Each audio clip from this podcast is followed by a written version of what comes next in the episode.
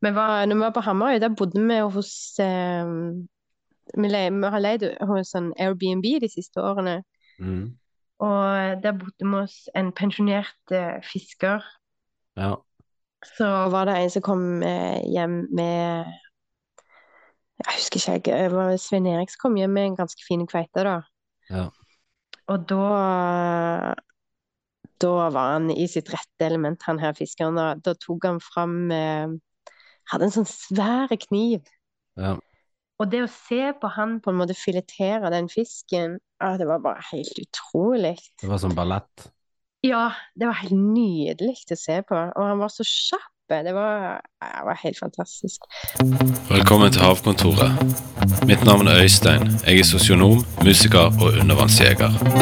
Denne podkasten er en serie intervjuer der vi snakker om havet. Det blir fridykking, men også fisk, fiskeri, miljøvern, bærekraft, jaktteknikk, skalldyr, matlaging, båtvett og livsnytelse. Hvordan får en nok tid på sjøen i en travel hverdag med jobb og familie? Er det håp for torsken i Oslofjorden? Hvordan står det til med kveitebestanden i Sunnhordland? Er det lyren som er dum, eller er det vi som er det? Hvor finner en kamskjell, og hvor mange skal en ta? Hvordan får en kresne unger til å spise fisk? Og hvem er havets fasan, hvordan får du øye på han? Bare overflaten.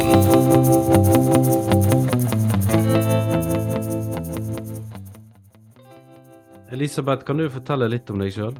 Eh, ja.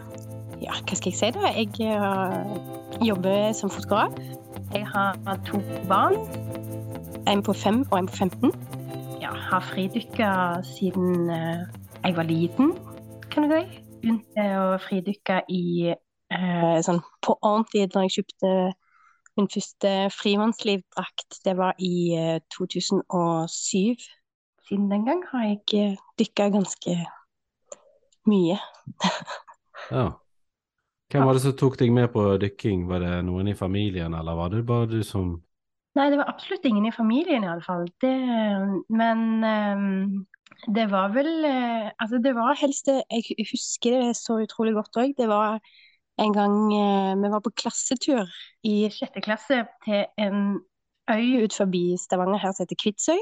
Der var det noen som liksom heiv på oss masker og snorkler og liksom Jeg vet ikke om jeg hadde våtdrakt, jeg, men uh, i alle fall når jeg liksom stakk hodet under overflaten og liksom bare så uh, hvor fint det var, det var bare helt uh, Ja, det var en øyeåpner for meg, iallfall. Så siden den gang når vi har vært på ferier og sånn, så har jeg alltid hatt med dykkermasker. Kommer du fra en familie der liksom som har vært mye på sjøen, eller var det noe du begynte med da når du begynte å dykke?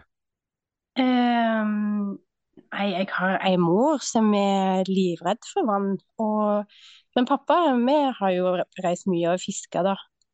Med Mm. båt eller i, på vann. Og, så han har alltid tatt oss med liksom ut, ut og fiska. Um, men jeg kan liksom ikke si at disse dykkegreiene kommer fra familien. det, Det er helst noe jeg har på en måte kommet fram til sjøl. Ja. Men kan, eh, fikk du med deg noen eh, når du begynte å dykke? eh, Hvem var det du dykket med da? Var det, fikk du med deg Nei, da var det faktisk den daværende kjæresten min. Vi, vi kjøpte, kjøpte drakt og hawaiislynger. Og så bare begynte vi å dykke rundt liksom alene. Jeg bor med eh, en plass heter Solastranda. Det er ute med kysten her Mhm. eh, på Jæren. Og ja, vi bare dro ut og tok litt flundre og forskjellige ting. Men helt alene da, så gikk vi fra hverandre, og da fortsatte jeg eh, egentlig alene. Og ja, utvikla meg vel gjerne ifra det. Jeg eh, eh, ble med på litt eh, kurs. Jeg, jeg husker vi hadde sånn Vi testa harpuner i basseng, og da Ja. ja, det var han eh, Børje som hadde med en haug med eh, harpuner fra frivannsliv. Men eh, jeg hadde veldig problemer med rekylen på de største harpunene, iallfall. Og da bestemte jeg meg faktisk for å lage min egen eh, harpun. For jeg har en kompis som var eh, snekker. Og den har jeg faktisk eh, hatt og brukt helt fram til nå. Hva er det som er spesielt med den harpunen? Nei, du vet når du lager Den lagde jeg i eh, teak og med litt sånn ask imellom. Når du eh, har harpun i tre, så får du ikke så mye rekyler. Pluss at Ja. jeg kunne lage den i den lengden jeg ville, og ja. Det var veldig gøy. Jeg trives veldig godt med på en måte sånn trearbeid, og jeg holder faktisk på å lage en ny nå. Det har tatt ganske lang tid, men uh, uh, ja, det er liksom litt det samme som å dykke. Det er litt sånn mindfulness-opplegg. Å stå og høvle og. Kjekt å designe den og på en måte finne ut av hvordan du vil ha ting. Og ja, må jo litt innom eh, YouTube og diverse sånn. Og så har jeg jo nå, når jeg har lagd den nye nå, så har jeg jo noen kompiser som jobber på et sånn verksted som driver og freser Akkurat det triggermekanismen har jeg liksom fått hjelp til å frese ut. For Ja. det kan ofte være jævlig vanskelig. Jeg har hørt at noen som kan, du kan kjøpe en sånn triggermekanisme så fra forskjellige leverandører. Ja, ja, ja. Jeg eh, kjøpte um, ja, i sin tid og fra et firma som heter Niletech. Jeg tror ikke de opererer lenger, for jeg prøvde å finne fram til det. Men ja. det var veldig sånn fin design. Så du kjøper jo, kan jo kjøpe sånne sett med på en måte trigger um, og festen, alle festene du har, og um, Ja, i det hele tatt. Ja. Kan du Ja. legge ut eh, Kanskje vi må få, få se den harpunen. Kanskje du kan legge ut et bilde av den, så vi kan eh, legge ut sammen med podkasten. Ja, det kan jeg prøve på. Mm. jo, det er egentlig på tide å olje den. Jeg har ikke falt for fristelsen til å gå for sånn epoksy. Så jeg Nei. driver og pusser ned litt, og så oljer den eh, i, mellom Ja, sånn typisk sånn hver vinter og høst. Ja. Ja. Så det er masse eh, fangsting på deg òg siden? Nei, jeg har jo drevet mye med det, men eh, jeg har blitt veldig selektiv eh, i de senere år. Sånn som nå har vi Vi pleier å dra med klubben da opp eh, til Nord-Norge hvert år.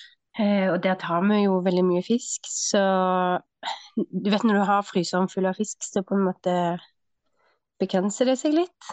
Tidligere så skjøt vi jo mye lyr, og du vet Her nede på Vestlandet så er det jo ikke akkurat storfisk sånn sett.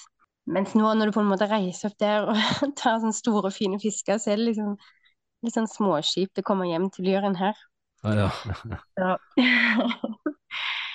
Så, jeg eh, Altså, det jeg har jakta i år, det er egentlig mer bare Jeg jakta litt uh, før jeg bare Jeg skulle før Han uh, Jeg har en kompis, Aksel, han uh, sa Han også greide å overtale meg til å bli med på eh, den der NM i undervannsjakt. Å ja. ja. Eh, Så jeg jakta jo litt før det, da. Og reiste opp der på Kråkøya ut forbi eh, Trondheim. Og der hadde jeg altså den mest forferdelige opplevelsen jeg noen gang har vært med på. ja fortell. Nei, det Du vet, det var jo um, veldig lite fisk. Ja. For det var sykt mye sel. Altså sel og niser. Altså, de fulgte liksom etter oss. Ja. Eh, Så det var sånn en gang du dykka ned, så da fuff, forsvant det alt. Og så på dag to så var det liksom Og det er liksom typisk sånn Det er sånn race ut til de beste plassene og ja, mye folk og mye styr. Eh, Så jeg bare OK, ut til brua, liksom. ja. Tenkte der må det vel være. Men så var det jo noen som greide å komme liksom før meg, selvfølgelig. Ja. Ja. Um, ja, så da ga jeg opp det, og så tenkte jeg ok, greit. Meg og en eh, som heter Svein Erik, vi liksom tenkte ok, vi svømmer mot et sånn et nes da, Mm. lenger borte. Og svømte, det var sikkert sånn fem-seks meter dybde. Superfin eh, sånn eh, torskebånd, ja. men ikke en torsk å se. Og ja. så plutselig så ble det mørkt. Eh, og så dykker jeg ned, og så så jeg, og så bare åh, kveite, kveitebånd. ja. Og jeg bare shit. Du vet når du tenker bare gi meg en kveite, gi meg en kveite, gi meg en kveite. Kjære Gud, gi meg en kveite. og tror du fader ikke jeg fant ei kveite Ah, etter sikkert et kvarter. ja. Perfekt størrelse, ikke for stor, ikke for liten. Eh, nærme dette her neset, sånn at det var ikke langt ifra land. Jeg har liksom vært med på kveitejakt før. Jeg vet at det kan bli sykt kok, liksom. Mm. Og jeg, jeg, hadde egentlig ikke rigga harpunen for det. Nei. Men ehm, eh, Og perfekt liksom dybde, og ja, han bare lå der. Og jeg tenkte ja, ja. Eh, før og tidligere så har jeg, jeg har truffet på store kveiter før, og da får jeg sånn skikkelig hardhjerte, liksom. Ja. Det, nå, liksom. Nå bare gjør du det med en gang. Så jeg gikk bak han, tenkte mm. perfekt vinkel, skulle liksom skøyt. Han Ja. lå stille. Ja. Eh, tok to, jeg, og jeg gikk opp og bare sånn Yes! Ja. Du vet, du er så lykkelig. For det, når du er i en konkurranse, det var sånn åh. Uh, og så tok han to sånne To sånne flaps med halen. Ja. Og jeg tenkte fremdeles sånn Å ja, men det gikk fint. For han stikker ikke til helvete, liksom. Eller det må du ikke uh, Ja, ja. Kan bipe, det. ja, kan du ikke det. Og så Men så sklei han av pila, og så dro han. Å nei. Eh, vet du hva, jeg var så sur. Jeg holdt på å begynne å grine. Det er ikke tull engang. Jeg har aldri gått fra å være eh, så glad til å være så forbanna i hele mitt liv. Mm. Eh, på så kort tid. Det var Og da lå han jo Altså, det som skjedde, og han lå på steinbånd, liksom, så Mm. mottaket har ikke rukket å komme ut. Nei. Så jeg kan jo bare håpe at han eh, liksom overlevde, da. Men um, jeg raste inn til det der skjæret og satte meg og holdt på å klikke. Han der Svein Erik kom opp med en sånn trollkrabbe og var sånn Se, Elisabeth, se! Jeg var Nei. Nei, så det ble ikke noe fisk på meg i den konkurransen Nei, Jeg tror ikke jeg er sånn lagd for uh, akkurat den type konkurranse, kanskje. Nei. For egentlig, normalt sett så hadde jeg ikke tatt en kveite. Ja, vi har spist egentlig litt for mye kveite. Nei, men eh, det var jo dumt, da. Men eh, det høres jo egentlig kanskje litt ut som at liksom konkurranse ikke nødvendigvis eh, trenger ikke være noe for alle. Nei. Jeg syns jo dette her havjegergreiene virker jo litt mer eh, chill, da. At det er på en måte en konkurranse, men det er ikke en konkurranse likevel, liksom. Ja, det er kult at det har kommet en ny type konkurranse. Ja, og vi har jo arrangert konkurranser i, eh, i klubben, både gjennom eh, NDF, mm. eh, men òg lokale konkurranser eh, med liksom varierende hell, kanskje. Jeg syns liksom det gir litt sånn bismak, eh, hele opplegget, men ja. Der er, tror jeg det er en liten vei å gå. I, for, i alle fall i forhold til sånn regelverket til NDF og i det hele tatt. Det blir jo jobba med, da. Nei, det er jo litt uh, her i området. Jeg føler det er fortsatt en del fisk her. Jeg bor jo i, eh, i Bergen, så Ja, ikke sant? Men eh, jeg ser jo det er veldig mange fra Stavanger-området som er aktive da, og skyter masse lyr. Det ser jeg Ja. jo på. Ja da, det er det er mye lyr her. Det, Ja. ja. Så spiste jeg lyr til middag i dag. ja. Ja. Det gjorde jeg jo faktisk. Ja, så bra. Jeg har litt lyr i frysen. Ja, ikke sant? Det er akkurat det. Jeg var litt sånn urolig, for i fjor vinter da gikk jeg eh, tom for fisk eh, i januar, så Ah, denne, denne gangen her så har jeg liksom fylt opp litt ekstra. ja, det sitter langt inne å kjøpe fisk på butikken, liksom. Ja, det sitter veldig langt inne. Ja, Det er jo så dyrt òg. ja. Men fortell det er turene til Nord-Norge. Når var dere sist i Nord-Norge, da? Eh, det var Vi pleier alltid å reise i månedsskiftet mai-juni. Mhm. eh, der har vi funnet at da treffer vi på været. Det pleier å være veldig fint vær. Og mm.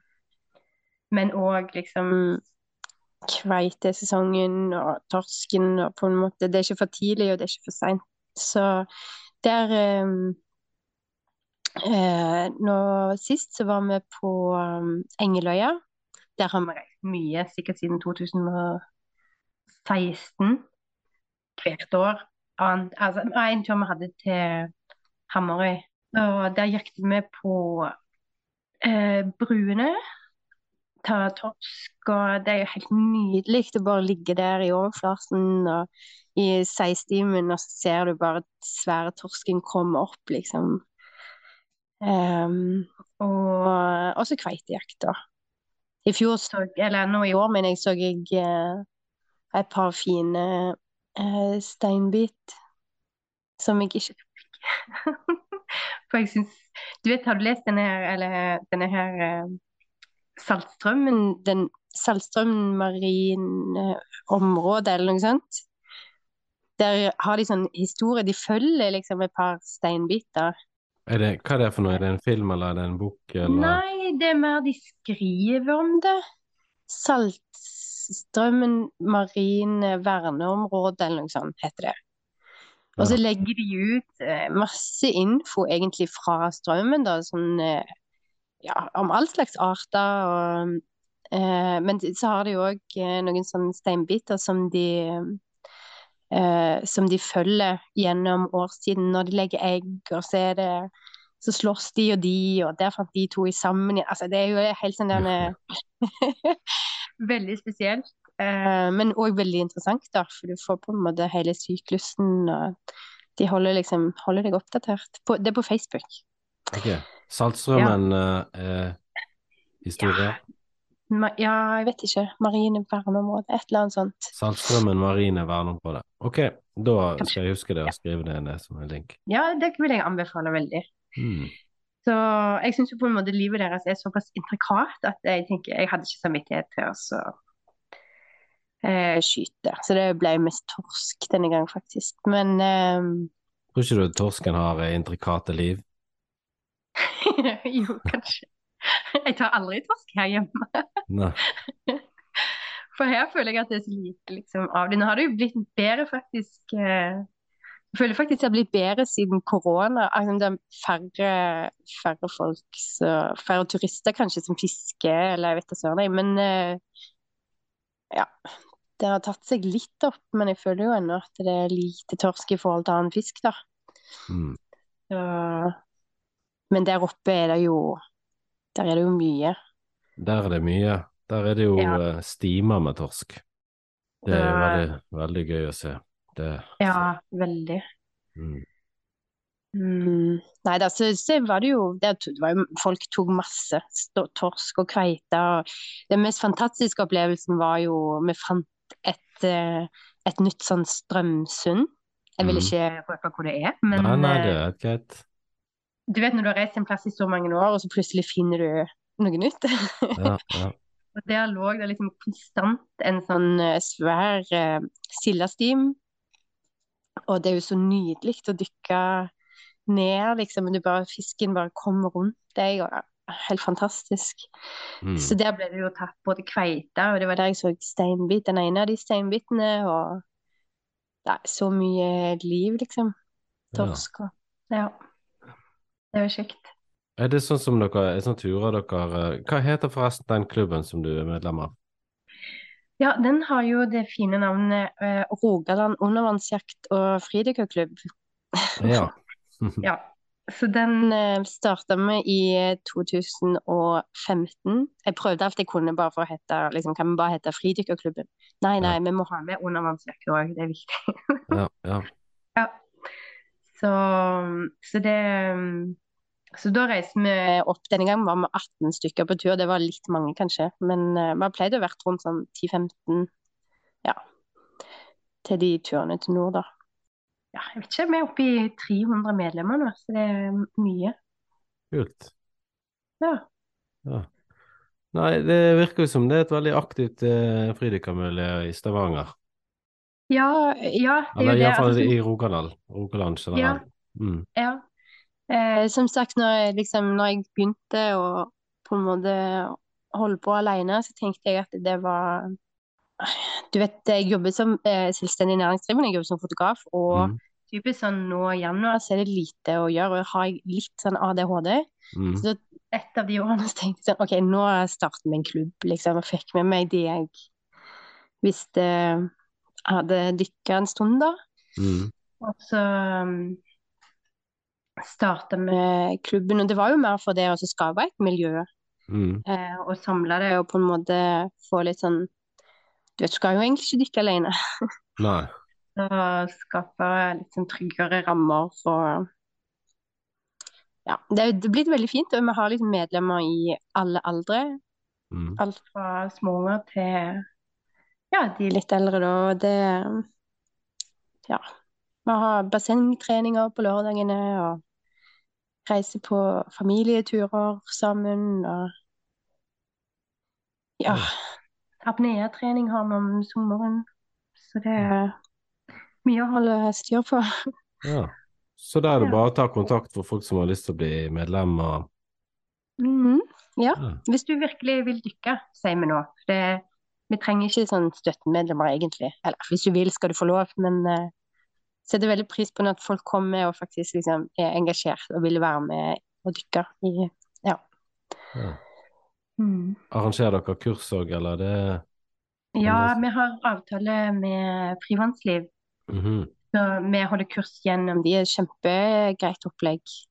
For det var egentlig litt sånn eh, Ja, hva skal jeg si? Det var liksom litt krok hver gang når vi skulle ha kurs. Mye mye organisering, og du må liksom leie lokale, du må Sånn så er det dette, du kan jo ikke gjennom en klubb lønne instruktørene for mye, sant vel?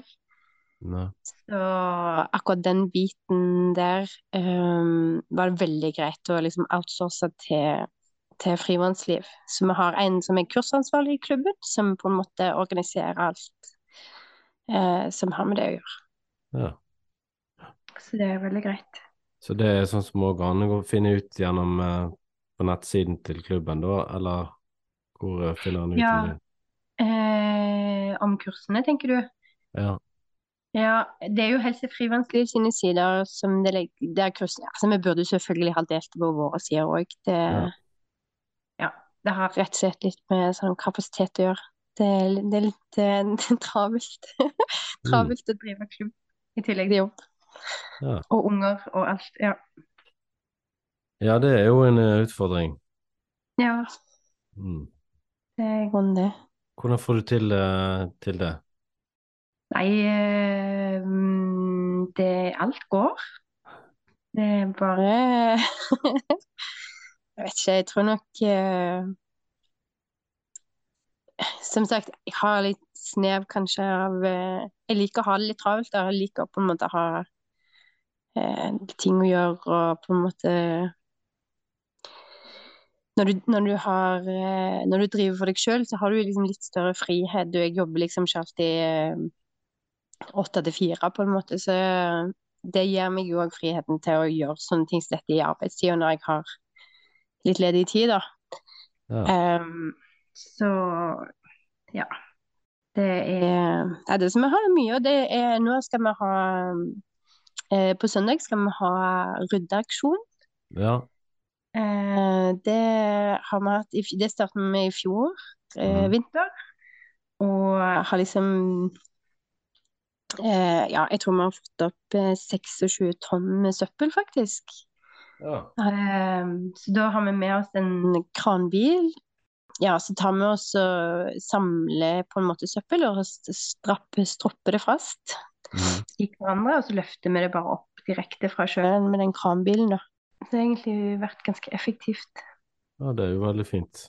Ja, det, og det er veldig kjekt, faktisk. Det er liksom Mm. eh, veldig fine ting å gjøre om vinteren når du på en måte egentlig eh, Når det er lite fisk og Så er det jo òg fordel for oss at det er på en måte det er bedre sikt, det er mindre tare, det er mindre liv i sjøen som er forstyrret. sant. Så veldig fine tider å gjøre dette her på, på vinteren. Og ja, det Folk blir veldig sånn Det er veldig Det er gøy, da. Det er kjekt å få til noe.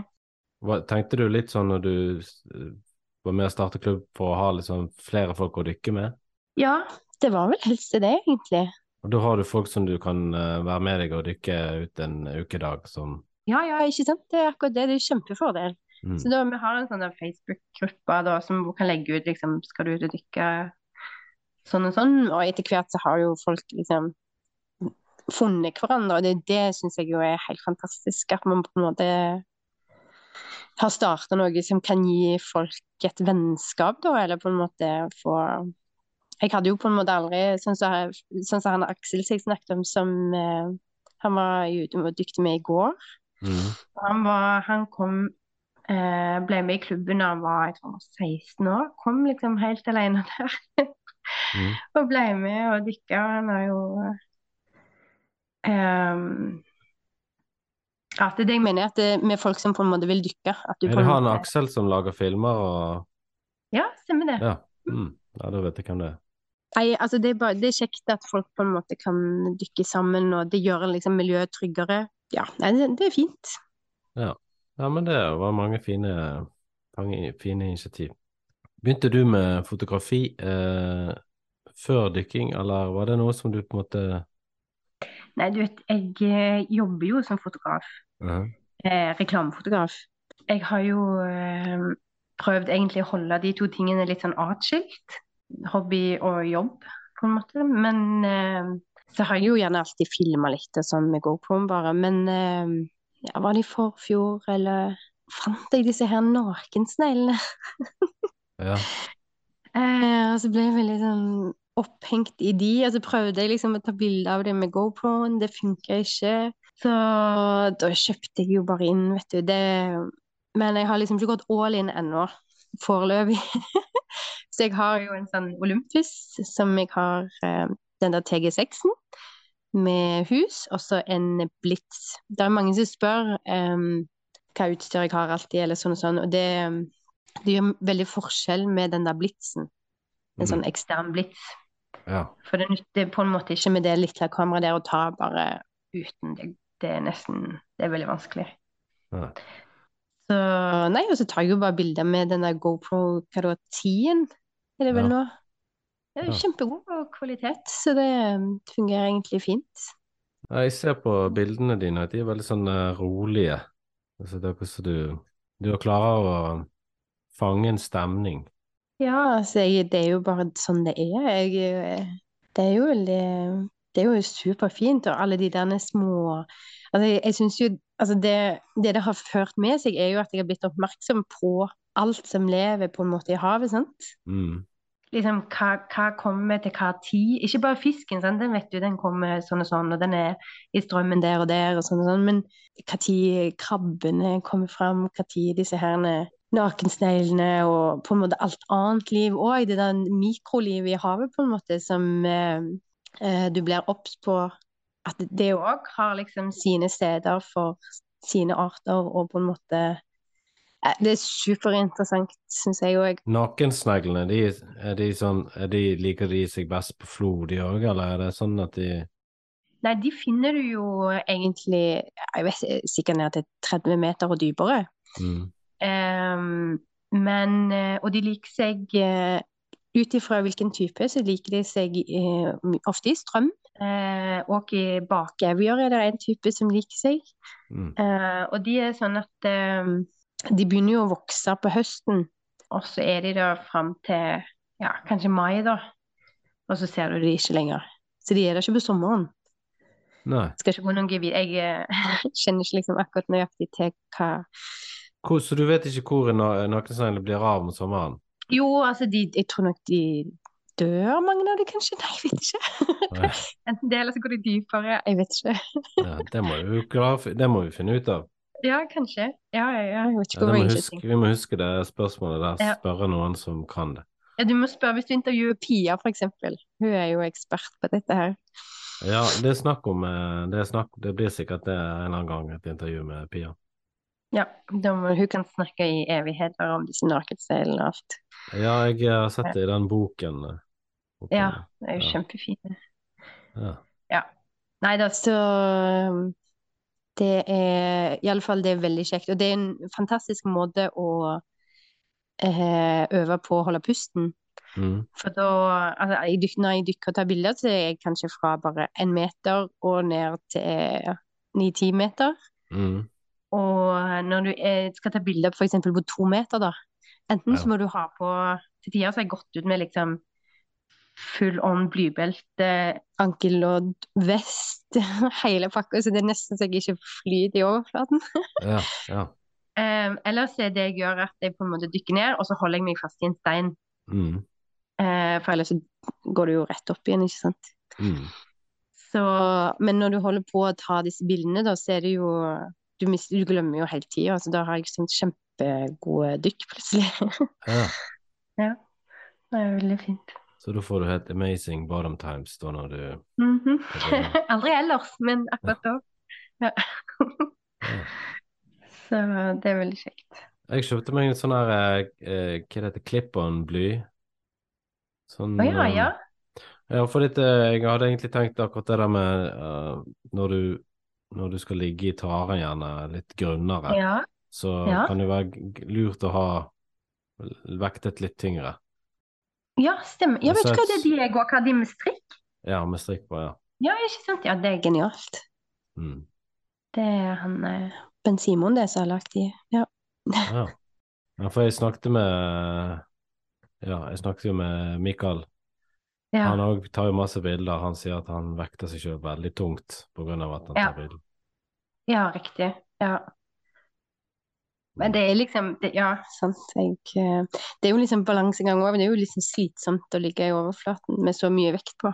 Det Syns jeg, iallfall. Men uh, Ja, det er jo noen som bruker sånn drop weights òg, så ja, det har jeg vurdert. Jeg, jeg gjorde det en gang at jeg tok med liksom bly, blybelt, et ekstra blybelte bare, og så la ned. Og så. Men det var litt sånn styr det òg, å svømme rundt med å ha på bøyer da.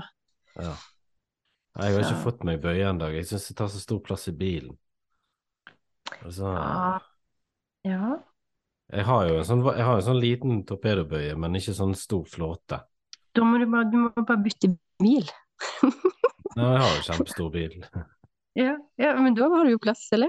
Nei, men det blir jo sånn at jeg skal ha liksom Jeg har jo to unger òg, sant. Det, da har du Ja. alltid barnesetene stående baki der. Så har du med deg en eh, buddy når du er ute og dykker, og så plutselig er det smikkfullt Ja, ikke sant. kasse med kamskjell og krabber og Så Ja, han er jo genial å ha på en måte å ha ting på da i bilen etterpå. Jeg har- Ja. pleier alltid liksom å ha kamskjell og eller ikke, Kanskje ikke krabbe, men kamskjell også sånn oppå flåter mens jeg kjører hjem. ja. Ja, det er sikkert, sikkert ikke dumt. Jeg har sånne plastkasser som jeg kjøper på Europris. Ja, ikke sant. Det er jo genialt.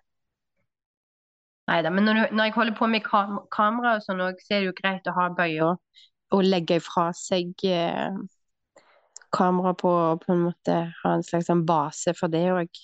Hender det av og til at du blir litt sånn uh, Du er ikke sikker på om du skal ta harpun eller kamera? Ja, ja, ja. Det er helt forferdelig. Mm. For jeg, du klarer Du vet når du er på en måte på Dette er kamskjell Altså du skal lete etter kamskjell. Mm. Du ser jo ingen andre ting. Og på en måte det er det samme når jeg skal ta bilder, eller hvis jeg har med meg både harpun og kamera, det er nesten helt håpløst. Så jeg må på en måte bare bestemme meg for én ting, og så gå for det den dagen, da. Ja. Så Og det har egentlig blitt mer og mer eh, kamera. Eh, jeg er veldig sånn Som sagt, det er litt sånn selektiv. Her hjemme så er det mest på en måte bare piggvaren som enten blir alltid tatt foran nesen på meg, eller Mm. eh, tunga, som jeg liker best. Jeg har ikke begynt å filme ennå, så jeg har ikke akkurat det problemet. Så det er stort sett bare harpun, harpun, harpun. Ja, men kanskje like greit, da. det kan fort bli liksom litt eh, mye. Det er liksom en del av meg som på en måte tenker at det er liksom litt synd at jeg skal synes det er så kjekt å liksom drepe. Ja, jeg vet. Men Du må jo sette det Så jeg håper at jeg skal begynne å Ja. bli interessert i fotografi sånn etter hvert. Ja, for det er jo egentlig akkurat samme. Du er på en måte på jakt eh, med kamera òg, kan du si. Mm. Det er liksom samme følelsen. Nei, jeg må, jeg må jo få det. Det hadde jo vært uh, veldig kjekt å ha, ha det på film, noen av de tingene som jeg har sett. Så. Ja, ikke sant? Ikke minst sånne uh, visuelle ting. Ja, ja. Det har vært noen jeg har prøvd å forklare til folk, Ja, ja. det er jo helt umulig. ja, ikke sant. Det er jo så sykt mye fine, fine ting der nede, så det, det er på en måte verdt å formidle i noe annet enn å bare snakke om det. Mm. Mm. Ja, det er jo en liksom eh, Det er jo en eh, Jeg syns jo på en måte at det fridykkermiljøet er jo ganske sånn tett sammenvevd. Mm. For jeg drev, drev med andre ting før og har ikke sett en så Det virker som veldig mange er interessert i hva andre folk holder på med. Ja. Ja, det kan nok stemme, faktisk. Det er, det er et ganske tett miljø. Og folk interesserer seg og bryr seg, og ja, sånn på godt og vondt, kanskje. Men eh, jeg føler jo når vi reiser på tur og Altså, du har jo alle disse festivalene, ikke sant vel? Og Vi har jo holdt på nå de siste to årene med eh, Passion for Ocean sammen med Pia og um, Ryfylke friluftsråd Ja. Her i Stavanger. Og um, da bringer du jo sammen ikke bare liksom dykkerklubbene, men òg alle som er interessert i havet. Og det er jo kjempefint. Det, det har de virkelig fått til, liksom. Hva er det, um, det Passion for Ocean? Nei, det er jo en eh, festival, en festival for mm. havet, så um, det er på en måte bare over én dag. Så det vi som klubb har deltatt, og, og um, da har vi med oss masse utstyr. Vi har masse låneutstyr mm. i klubben som vi tar med oss, så får folk lov til å prøve. Ellers er det jo andre aktører der, som eh, svømmeskoler og ja, det, det har vært forskjellige sånn mat, eh, matgreier og så Pia er jo alltid der og holder foredrag. Ja. Planlegger dere en det Kommer det en ny nå i 2023? ja, det er jeg litt usikker på, men det tror jeg. Det var veldig vellykka um, i, uh, i fjor. Og du har jo hun Vi har en veldig kjekk uh, kontakt i Ryfylke friluftsråd, som òg er del av uh, klubben. Hun heter Kersti.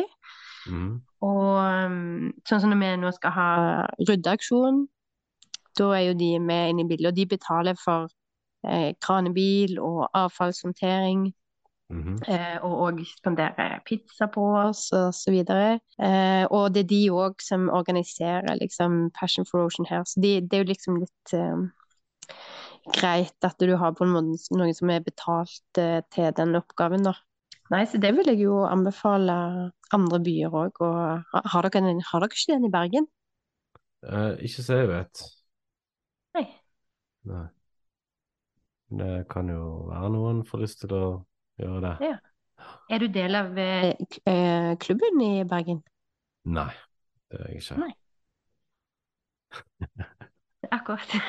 Nei, så jeg begynte jo begynte liksom å dykke, og så eh, rallet jeg jo fram eh, alle perifere bekjente som Og så nå har jeg blitt kjent med eh, en del nye.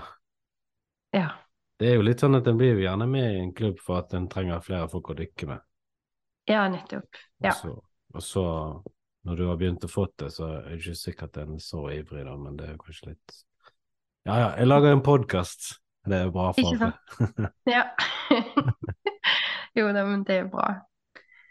Ja, men vi burde jo hatt det sånn. Er det sånn for ungdommer og barn òg, eller er det mest voksne som Ja, nei, det, er- det som sagt for eh, alle aldre, så eh, vi prøver jo å få med Altså, barn er som regel med via foreldrene, på en måte, og så prøver vi jo å få med eh, Altså fora til en slags en ungdomsgruppe, da. Mm. Eh, men eh, det er kanskje en litt sånn vrien eh, målgruppe å få, få med seg hvis ikke de er superinteressert, liksom. Ja. Så eh, Ja, jeg vet ikke hva jeg skal si, jeg. Det, du... det er ikke, ungdom er ikke det vi har mest av. Nei. Nei. Får du ut i dine egne unger, eller er, det, er de interessert? Ja, ja, ja. Jeg har, jeg, eh, han eldste han trodde trødde jeg jo på en sånn der friluftslivsdrakt når han var fem. Ja. Da var de så trange i halsen, så han hadde jo traumer, stakkar. Ah, ja. Mm. Men eh, Og han har alltid elska alltid Når vi er på ferie, så reiser vi jo selvfølgelig til plasser det går an å dykke. Mm. Og da er han kjempeivrig liksom, når det er litt varmere i vannet, og du slipper liksom drakten og sånn som det. Men her hjemme så har han, tror jeg nok han syns det er litt styr Ja.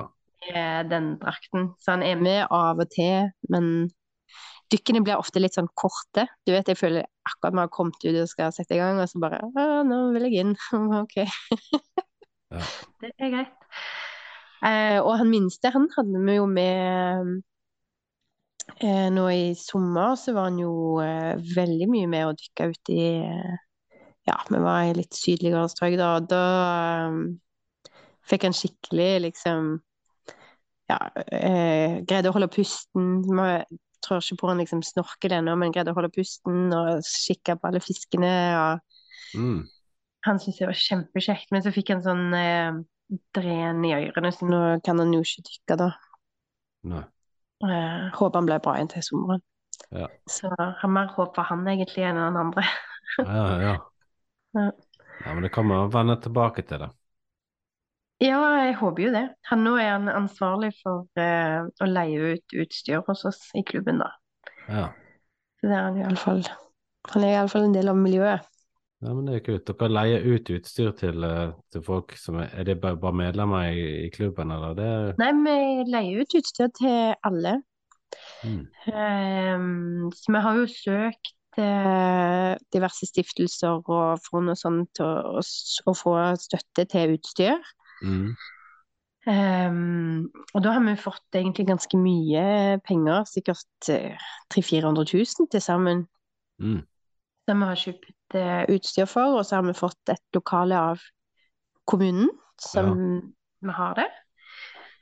Eh, og der eh, da leier vi ut eh, til medlemmer og eh, andre som vil prøve, og gratis. Eh, vi har masse drakter til unger. Ja.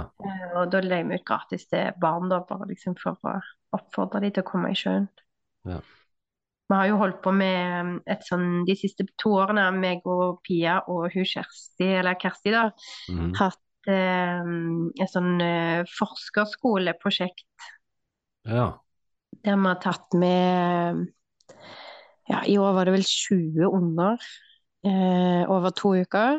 Mm. Der de lærer litt om livet i havet, og så tar vi de ut i, i sjøen da hver, hver dag. Ja. Det var veldig kjekt. Det har vært litt sånn for unger som har litt sånn ressurssvak kommer fra litt ressurssvake hjem, som ikke gjerne kan reise langt vekk på ferie, og ja, sånn at de skal ha noe å fortelle når de kommer tilbake på skolen. ja. Så det har vært veldig givende, egentlig. Anbefales. Det er jo lei en biolog som på en måte har det prosjektet, da. Ja, men det er jo veldig kult. Mm. Hva, altså, er det sånn at folk kan kontakte klubben hvis de ønsker å, å låne utstyr for å stikke ut og prøve? Men vi anbefaler jo kurs eh, egentlig før de gjør det. Ja. Det er jo, eh, du vet jo selv hvordan det var første gang du tok på drakta og liksom. Men hvis de med, hvis har med noen erfarne, så er det jo kanskje litt Jeg tenker jo av og til at det kan være kjekt å ha muligheten til å ha et sted der du kan låne drakter hvis du vil ta med deg folk ut, og så Mm. hjelpe de på med Ja, absolutt. Det er akkurat det. Og det er jo det som egentlig gjerne skjer oftest, at folk kommer og skal gå uti sammen med noen de kjenner. mm. Og, så da leier vi egentlig ut bare på ukesbasis, sånn de får leie ut ei uke om gangen.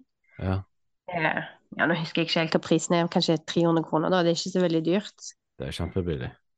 Ja, og så får de drakt, og så tørker de og leverer til vaske og sånn, og leverer tilbake igjen en uke etterpå. Ja, men det er jo veldig bra uh, for mange å vite, sikkert, at det er en mulighet. Har du noen sånne spesielle tips til, uh, til jenter som har lyst til å begynne med fridykking? Det er et godt spørsmål. Jeg har jo på en måte alltid prøvd å få med venninner videre uti. Ja. Um, og egentlig prøvd å undersøke litt hvorfor det ikke er flere damer som driver med dette, da. Mm. Og jeg tror jeg kom fram til litt dette her er en sånn blanding av at de er Det er veldig mange som er sånn Å, de er redde for hai eller tang eller redde for det de ikke kan se. Mm. Um, og i tillegg til at det er mye utstyr, og Mm. en veldig sånn Jeg vet ikke hva jeg skal si. Det er litt sånn ulekker sport, på en måte. Du er jo ikke kjempefin i den drakta og i Nei, jeg vet da søren, jeg. Men uh... I hvert fall ikke når du har vært ute i fire timer. Da ser jo de fleste ti år eldre ut. ja, ikke sant? Det er akkurat det. Ja. Så det er kanskje det. Men jeg tror nok hvis miljøet hadde blitt større, hvis flere damer hadde blitt med, så hadde det hatt en litt sånn eh, spinnende virkning. At det på en måte det hadde blitt mer og mer. Altså, det er jo litt sånn Det er jo gjerne litt det òg, at det er så mye menn her, og på en måte gå ut som dame i det miljøet. Men jeg vil jo anbefale det på det sterkeste. Og det vi prøver på i klubben òg, er jo eh, at du, du skal liksom ikke Du trenger ikke dykke dypest mulig, og du trenger ikke holde pusten lengst mulig. Det er egentlig det, de to spørsmålene jeg hater mest at folk spør meg om. Ja. For det er jo absolutt ikke det som er fokus. Det er så lite viktig i liksom, denne sammenhengen her. Det viktigste er jo at, liksom, den opplevelsen du får, og den roen og det er jo sånn trening, Du får liksom en sånn totalopplevelse som jeg Mm. tror òg damer hadde satt pris på hvis de på en måte bare Du kommer ut i naturen. Det, det er alt på en gang. Ja, jeg eh, har et lite håp om å prøve for storesøsteren min, hun har drakt. Ja. Så jeg skal bare prøve å få henne uti. Det er jo veldig fint nå eh, på vinteren. Ja. Litt i ansiktet kanskje, men det er jo eh, god sikt, og det er jo på en måte kanskje litt utpå på våren. Ja, nei, det hadde vært uh, gøy å fått uti min søster og uh, samboeren min òg. Det tror jeg blir enda litt verre. Men, Ja. uh, men jeg vil jo at min datter skal uh, være fortrolig med det våte element. Ja, ikke sant? Så, Nei, det, eh, det Hvis jeg skal si et sånn konkret tips når det gjelder å da få på seg drakt, eh, og dette har jo vært oppe i diverse forum, altså, men det å ha en ikke vanlig badehette, men en silikonbadehette på hodet når du tar på drakta, Ah, ja. gjør en kjempestor forskjell, spesielt hvis du har langt hår og mye hår. Bare ta på den, og så sklir du liksom rett igjennom, da. Så det, kan, det bruker jeg hver gang, kan jeg anbefale. Det er til og med masse kompiser som har begynt å låne badehettene mine nå. De syns det er deilig. Ja, Så for jeg husker det jeg hadde langt hår når jeg dykket når jeg var tenåring, så, så var det jo litt sånn uh, ubehagelig det når det lange håret, for det, det blir så det blir Ja. sånn lugger i det når du drar på deg drakten. ikke sant, det er akkurat det. Bare husk på å ta den av igjen gjerne etterpå, da. Trenger jo ikke ha på den når du dykker, akkurat, men eh, når du får den på. Å ja, så du tar den av? Ja, ja, ja, ja, jeg tar den av, for det, jeg vil ikke liksom at den skal ja, gnage på ørene. Og... ja nei, nei. Ja, men det var jo kjempebra tips. Er det like lett å få tak i drakter for, for damer, eller er det en noen spesielle drakter som Mm. passer bedre? Ja, altså du Jeg har jo vært borti eh, en del forskjellige. Mm. Um, jeg har kjøpt litt eh, Tidligere kjøpte jeg litt drakter på Scuba Store, som liksom var damedrakter. Mm. Um, nå er jo ikke jeg den mest varmfagre, så hadde jeg vært det, så hadde jeg kanskje hatt større problem med draktene, altså unisex-draktene, liksom. Mm. Men ehm, så har jeg òg hatt Jeg har en eh, polosub eh, formsydd eh, drakt. Mm. Der var jeg litt kjapp, for der eh, Du vet, du må jo måle deg sjøl. Ja. Og så hadde jeg litt dårlig tid den dagen, så jeg bare gjør det sjøl. og så Og du vet når du holder på å måle, så tenker du ja, ja, jeg må jo ha litt plass her og der. Ja, ja. Den var, jeg, var egentlig altfor stor. Det var helt håpløst opplegg.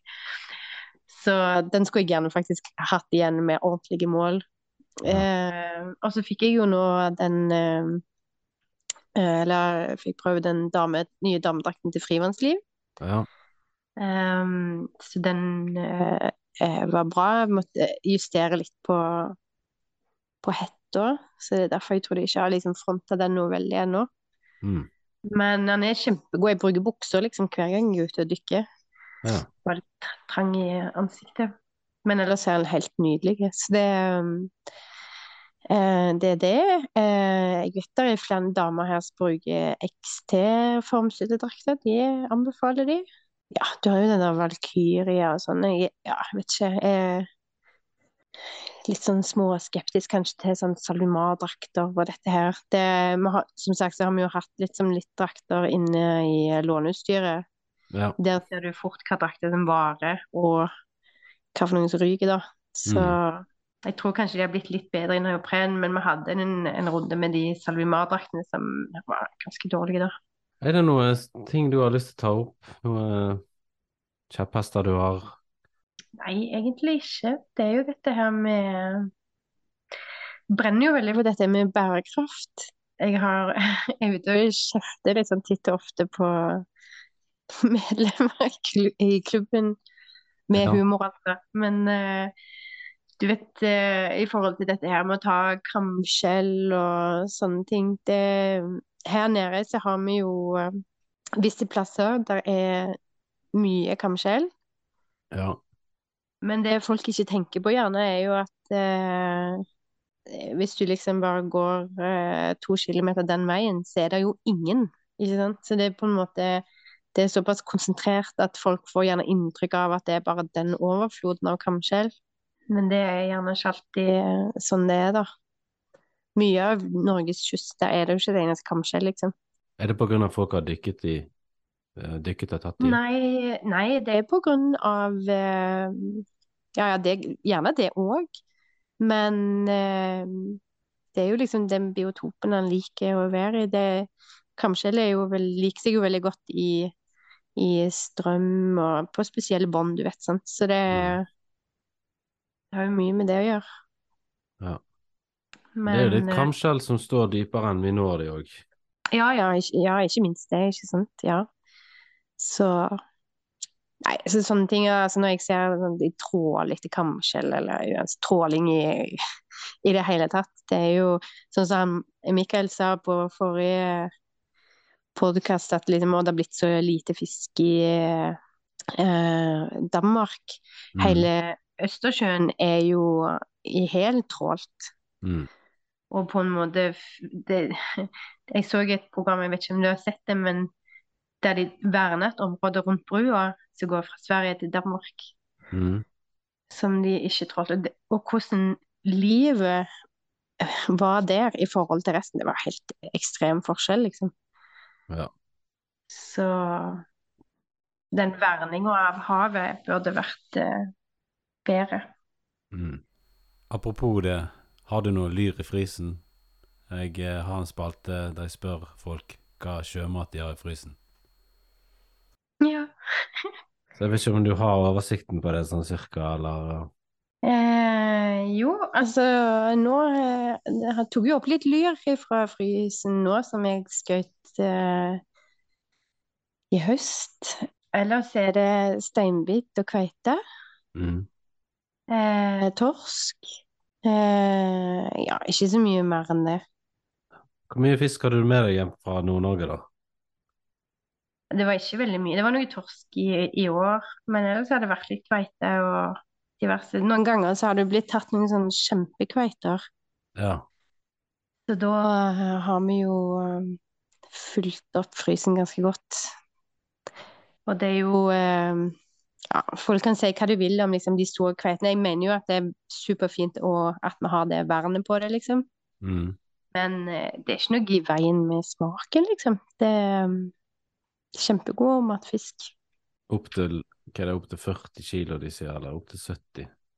Ja, du har jo eh, Du har jo en eh, Ja, så tenker du liksom hvilke kveiter som er best? Ja, nei, det var Men jeg, sp ja, jeg spurte jo Mikael om han hadde spist Han hadde spist uh, stor kveite og merket ingenting.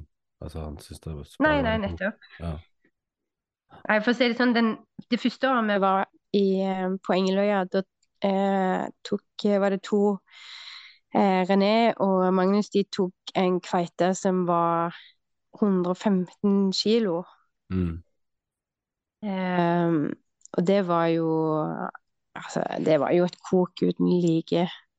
Ja. Den eh, fisken eh, Det var den Jeg vet ikke hvor mange ganger de skøyt den, men du vet det var liner og, og um, harpun, harpun Liksom Og et salig rot. Og de tok han jo De måtte jo bære han så langt, eller dra han etter seg, og så på en måte bære han, så fikk man jo inn med leide sånne her En sånn pizzabil hadde vi da, så vi fikk den akkurat inni den. Ah,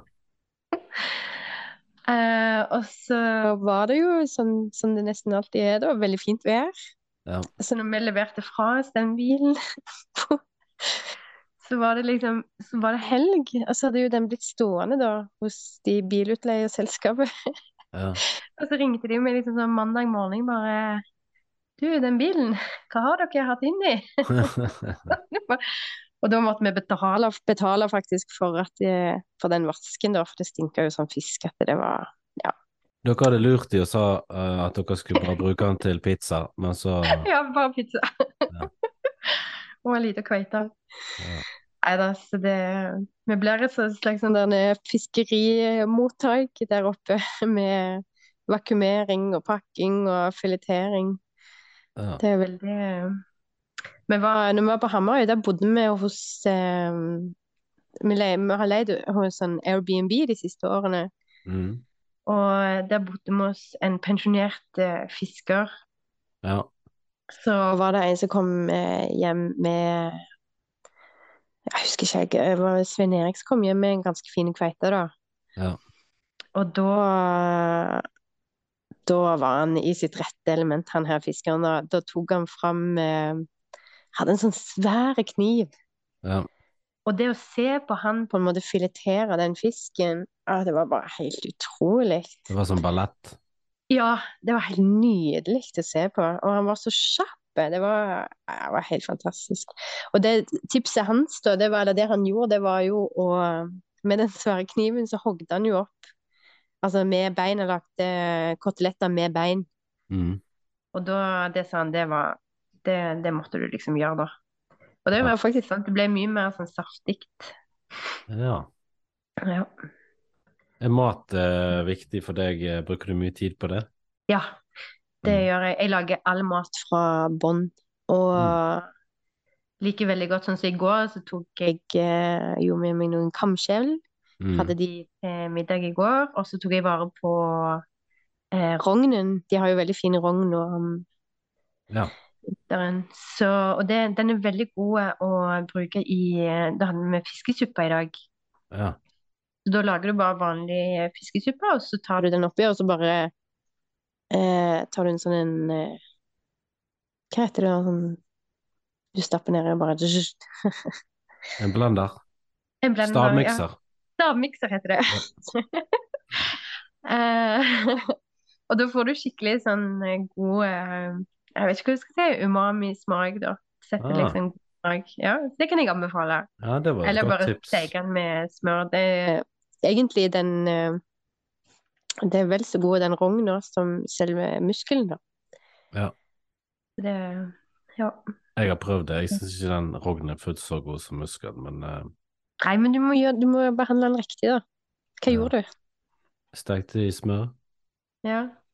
Mm. Ja, OK. Ja. Nei da, men uh, det er I suppe så er det veldig godt. Ja, nei, men eh, jeg, jeg har troen på det tipset der, og, og liksom Mm. uh, mikse den opp. Nei, men det er kult. Men eh, bare ta et siste spørsmål. Hva er det som er så gøy med fridykking? Alt. Jeg eh, Altså, jeg elsker det. Jeg blir helt sånn dårlig hvis jeg er med sjøen, og havet er liksom blikkstille. Altså, det er det fineste jeg vet, å bare sitte og se på blikkstille vann, men det er på en måte Du har denne trangen til bare sånn OK, jeg vil være under der òg. Mm. Og um, det jeg liker best med det, er at det på en måte Du vet aldri hva du treffer på. Du kan treffe på en sel eller en nise eller stor fisk eller en rognkjeks, ikke sant vel? Det er liksom Mm. så et mysterium. Um, og så elsker jeg bare den der roen. At du, du er der, ingen snakker til deg, ingen Du, du mister Ja, det er totalt liksom mindfulness, for du tenker ikke på noe annet. Du er helt til stede her og, og nå, liksom. Mm. Ehm, og så er det jo som jeg sa tidligere, du får en sånn totalopplevelse. Jeg er veldig glad i å være ute i naturen, Mm. eh, og istedenfor å Altså sånn som vanlige folk gjør, kanskje gå en tur, så er jo Altså sant, når du går en tur, så er du kanskje heldig hvis du ser en, en hare eller et rådyr, Mm. mens under vann så kan du oppleve så mange arter tett på, da. Mm. Um, så det syns jeg er helt uh, fantastisk. Ja. Det er liksom litt av den tanken òg jeg tenker med klubben og alt dette her, at jeg vil liksom at folk ikke skal bare se den der blanke overflaten, men faktisk se hvor fint det er der under, og og dermed liksom bry seg mer om om havet, da. Ja, nei, men du har jo en liksom, total plan for å formidle, formidle det, da med, med klubben og fotograferingen. Ja, det baller litt på seg. Ja. ja. Det var jo det vi hadde i tredje episode. Folk i Rogaland, nå vet dere at dere kan leie drakter hos Rogaland fridykker og undervannsjaktklubb. Damer, nå har dere fått noen tips dere kan bare hoppe i havet. Det fins linker til dette her i deskripsjonen. Saltstrømmen marine verneområde. Jeg har vært inne og sjekket ut. Det er kult. Husk å følge Havkontoret på Instagram og Facebook. Kom gjerne med noe innspill. Jeg eh, vil gjerne ha litt feedback på hva jeg holder på med. Om jeg er inne på noe eller er ute og sykler.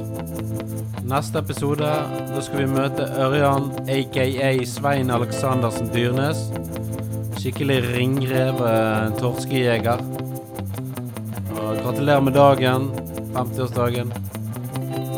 Vi ses om 14 dager. Peace.